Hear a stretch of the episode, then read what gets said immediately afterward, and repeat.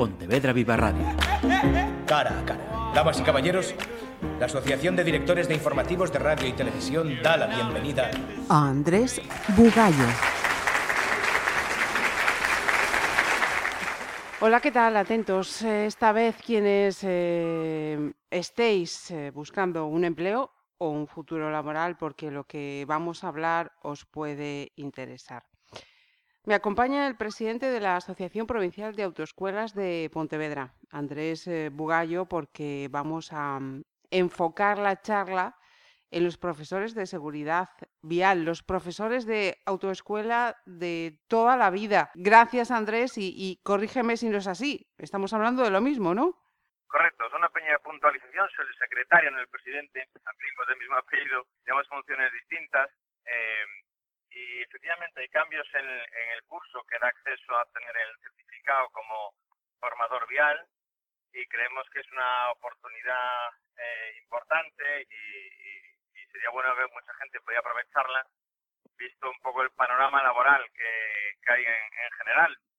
Sobre todo porque es un cambio es un cambio eh, que para ser profesor de autoescuela que es como se llama comúnmente quien convoca ese curso es tráfico, no lo convoca todos los años y en este caso pues va a pasar a ser un módulo de, de FP, va a pasar a ser una formación más compleja y más cara y ahora mismo eh, es el sistema tradicional que tráfico tuvo hasta ahora, pero más fácil todavía porque permite recuperaciones en las evaluaciones que hay. Espera, espera, espera Andrés, que veo que, que, perdona, perdona Andrés, porque veo que tienes la lección perfectamente aprendida. Vamos ah, por partes. Porque el resto, el resto no, no lo tenemos eh, tan claro. Hasta el 5 eh, de febrero, ¿no? 5 de febrero. Se produce ese cambio que afecta a la formación. Entonces te pregunto, Andrés, por favor, eh, hasta este momento, ¿qué, ¿qué, requisitos, qué es lo que se solicitaba para poder ejercer este trabajo? Se exige una formación académica de, eso o, equivalente, superar un, psicotécnico que no es ninguna complicación y presentar la instancia en la DGT, que es el plazo ese que hay, que es el día 5 de febrero. No es que ese día cambie, sino que hasta ese día se admiten la presentación de instancias y para eso hay que hacerlo telemáticamente o si no presencialmente en la jefatura de tráfico y para ir a la jefatura de tráfico hay que pedir cita. Entonces, el que esté interesado que vaya pidiendo cita mientras nos escucha, porque igual ya llega un poco justillo. Y, a partir del eh, próximo viernes, ¿qué es lo que va a cambiar? Lo que va a cambiar es que en vez de ser una formación que va a depender de la DGT y que te relacionas solo con la DGT y lo sacas en tres fases que después explicamos que son más o menos sencillas, sí, pues va a pasar a ser, sí, va a pasar a ser un, un FP, con lo cual eso seguramente conlleva una presencialidad, mucho más tiempo, seguramente más coste. Entonces, hasta ahora es una formación casi a distancia con la DGT. Solo la última parte que sí que es presencial, que son dos meses y medio, y aún así, eh, pues es presencial por las mañanas o por las tardes, es decir, es más sencillo y permite compatibilizarlo bastante con la vida que tú tengas hasta ahora. Y entonces, eh, después de, de, este viernes, van a tener que hacer, digamos que esa formación una, va a ser un, grado, un grado de FP. Entonces, hasta ahora es como una especie de oposición, si lo quieres llamar así, aunque no sacas ninguna plaza, solo te sacas un certificado, pero en el sentido de que tráfico público un temario, tú te lo estudias y te examinas.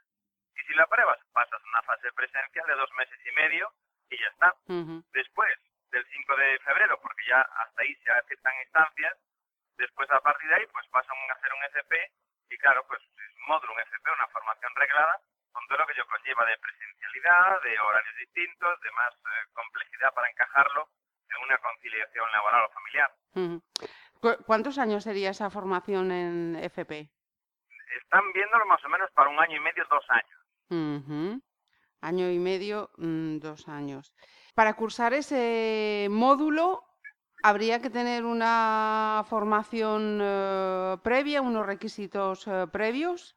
Los mismos que se pide para acceder a cualquier grado o a cualquier FP. O sea, eso... La diferencia, sí, la diferencia no va a ser la, titulación que necesitas para acceder, sino que va a ser el Esa tiempo que en sacarlo y la cantidad de horas, sobre todo presenciales, que tengas que echar para sacarlo, porque después también será una formación que tenga prácticas en empresas, en autoescuelas, donde te acabas de formar, porque ahora mismo no es necesario. Entonces, el key de la cuestión está en que el que llegue más tarde, el 5 de febrero, ya se habrá obligado a pasar por ese formato que igual es un poquito bastante más incómodo de encajar en, en la vida cotidiana de cualquier persona, que el sistema actual permite muchísima flexibilidad. Tú tienes que estudiar para los exámenes que convocan tal día, te presentas y ya está.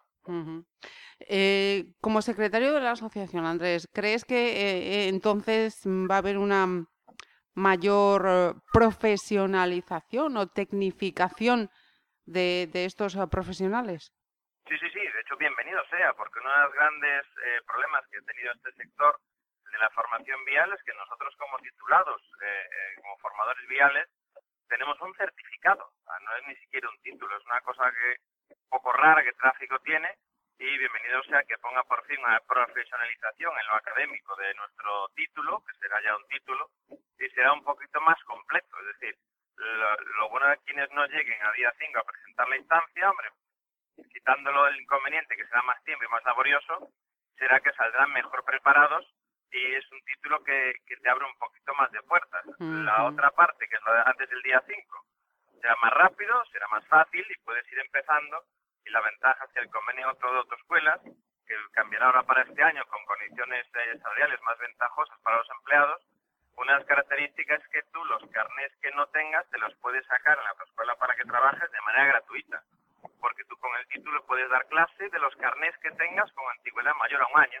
Uh -huh. Que solo tienes el carnet de coche, que es el único que hace falta para presentar la instancia, pues después en la autoescuela te sacas el de moto, el de camión, el de que sea, y cuando tengas un año de experiencia con ese carnet, ya puedes dar clase de. Uh -huh. Práctica, teórica, puedes dar teórica de todos. Ajá. Y una cosa me parece importante es que para el colectivo de Espera, espera, espera, Andrés, que, que, te me vas, que te, que, te me, que te me adelantas con las preguntas. espera, espera, que también iba a ir por ahí, por ahí.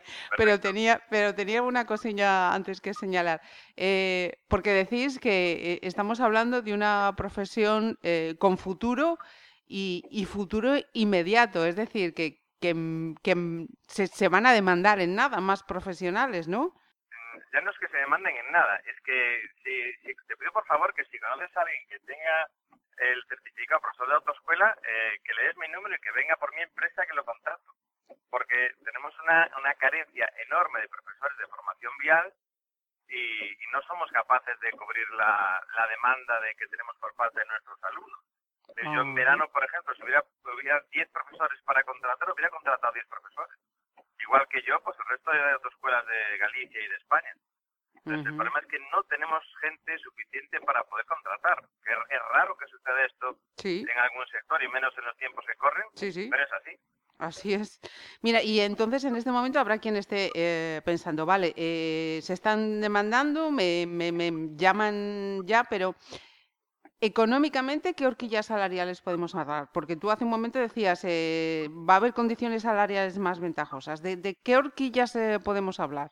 Pues mira, eh, ahora mismo tengo 18 empleados, el que menos está cobrando, está cobrando en torno a los 1.200 euros, más o menos, con el nuevo convenio, si no me equivoco, porque aún no salió, aún, aún solo hay negociaciones, pero está al caer, si no me equivoco, se pasa a trabajar una hora más, pasa de 7 horas a 8 horas, y eh, creo que son 1.400 euros aproximadamente, más o menos. Entonces creo que es un sueldo bastante digno y sobre todo que es una profesión eh, a, a, mi modo de ver, porque, porque llevo mucho tiempo ya en esto, pero a mí me, me encanta. A mí lo que menos me gusta de lo mío es tener que dirigir mi empresa. Uh -huh. Lo que más me gusta es, como voy ahora, pues a dar una clase de moto, enseñar a una persona que empiece a cero a conducir una moto con seguridad y participar, que eso me parece lo más bonito de mi trabajo, participar en la reducción de siniestralidad y de desgracias en la carretera, porque también sí. damos cursos de sensibilización o educación, lo que se llaman cursos de puntos, y ahí eh, es donde puedes incidir un poquito más. Pero si ya lo hacemos desde la base, desde los chicos y chicas que empiezan a sacarse el carnet, esa es la mejor manera de prevenir eh, cuestiones después desagradables. Ajá. Voy entonces con esa cuestión que ibas a apuntar y que te corté por lo que te pido disculpas. Estamos en el mercado laboral. Eh, también hacéis una llamada de atención a los conductores de permisos con C1 o superiores, esto es, eh, conductores de, camiones y de autobuses, porque antes del eh, pasado 21 de, diciembre están exentos de prueba práctica y por tanto decirse, oye, pues hay una posibilidad de cambio laboral. Explícanos esto, por favor, Andrés. Claro, te explico. La formación con tráfico son tres etapas, ¿no? Una parte que dicen, se llaman selectiva, que es básicamente hacer el carnet de coche otra vez teórico con 30 preguntas, como en el, teórico normal, y después un examen de coche, como cuando te examinaste con el coche, pero en este caso vas con el tuyo. Si apruebas esa parte, empezarías una fase a distancia, donde hay nueve asignaturas, que tráfico publica el temario, que te examinan en dos evaluaciones, con dos meses de diferencia. Y por último, una fase presencial, que en este caso sería en León, dos meses y medio. Lo bueno, que a esa gente que tiene el carnet de camión autobús antes del 21 de diciembre del año pasado, esa parte práctica, esa primera parte selectiva del examen teórico de coche la tiene que hacer, pero la parte práctica no. Entonces es una ventaja, te quitas esa parte que yo cuando la tuve que hacer pues era que me ponía un poquito más nervioso, porque después la de las nuevas asignaturas dos evaluaciones, comparándolo con cualquier oposición, es un tema y medio, dos temas de cualquier oposición, es decir, es algo muy asequible. Yo para que te hagas una idea, pues en su día trabajando en una imprenta, eh, haciendo camisetas, como la prensa tenía un temporizador de 30 segundos, pues era el tiempo que tenía para estudiar. Entonces me lo saqué de 30 en 30 segundos y al llegar a casa, pues oye, hasta que se quedó no dormido. Me saqué dos carreras y media también, es decir, no lo veo que sea complicado porque puedes compaginarlo con otras muchas actividades que ya tengas en tu día a día o en tu forma de vivir. Por tanto, eh, sería también otra opción para estos eh, profesionales para que reconduzcan o cambien. Correcto. Viendo que el, sector de transporte de viajeros, sobre todo, ahora está muy mermado por el tema, desgraciadamente, del, de la crisis de la pandemia. COVID, eh, pues me parece una salida importante, porque primero ya tienes una costumbre de tratar con el público y ya tienes una costumbre de circular y eres un profesional del volante, con lo cual estás mejor preparado que una persona que solo tiene el B para meterte en ese sector. Y si te gusta, oye, pues bienvenido sea, porque especialmente para que den clase de camión, autobús, etcétera, también es donde dentro de que hay falta de profesionales de la formación vial, mucha falta, en ese, en ese campo concreto hay más falta todavía. Entonces, vamos, eso es salir con el certificado en la mano y entrar a cualquier autoescuela que te firme el contrato ya. Mire, y te iba a pedir también que nos precieses otra cuestión que, leía por parte de la asociación. Decís, se ha relajado considerablemente la dificultad de los exámenes eh, de la parte más complicada, la de la formación a distancia, permitiendo recuperaciones de asignaturas eh, pendientes, algo que no ocurría anteriormente. ¿Nos aclaras esto, por favor?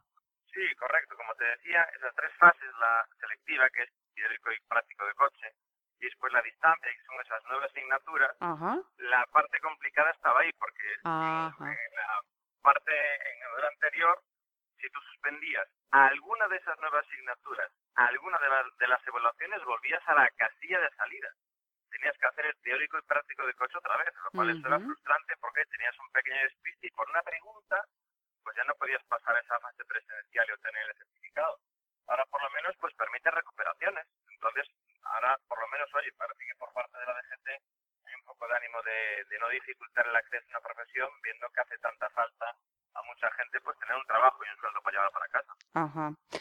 Andrés, y para ir eh, terminando, ¿nos recuerdas, que ya nos lo decías al principio, a dónde tienen que, ir, que remitirse las personas que puedan estar eh, interesadas en todo esto que estamos hablando y qué trámites tienen, eh, tienen que hacer? Pues yo lo, que les diría es que eh, entrasen en la web de la DGT para pedir cita, lo primero. Entonces lo tienes que poner en Google cita previa DGT y que soliciten la cita previa, más que nada para que no vaya a ser que después no tengan cita previa para antes del día 5. Y en la asociación les atendemos encantados y les informamos. Si me permites, digo el, el número de WhatsApp, que es el 663 984185 o si no, si buscan Asociación de Autoescuelas de Pontevedra en Google, pues también tenemos el fijo y nos llaman y le pasamos documentación, le explicamos y les asesoramos, porque nos cada viernes se cierra el plazo, hay que apurarse el que, el que esté interesado.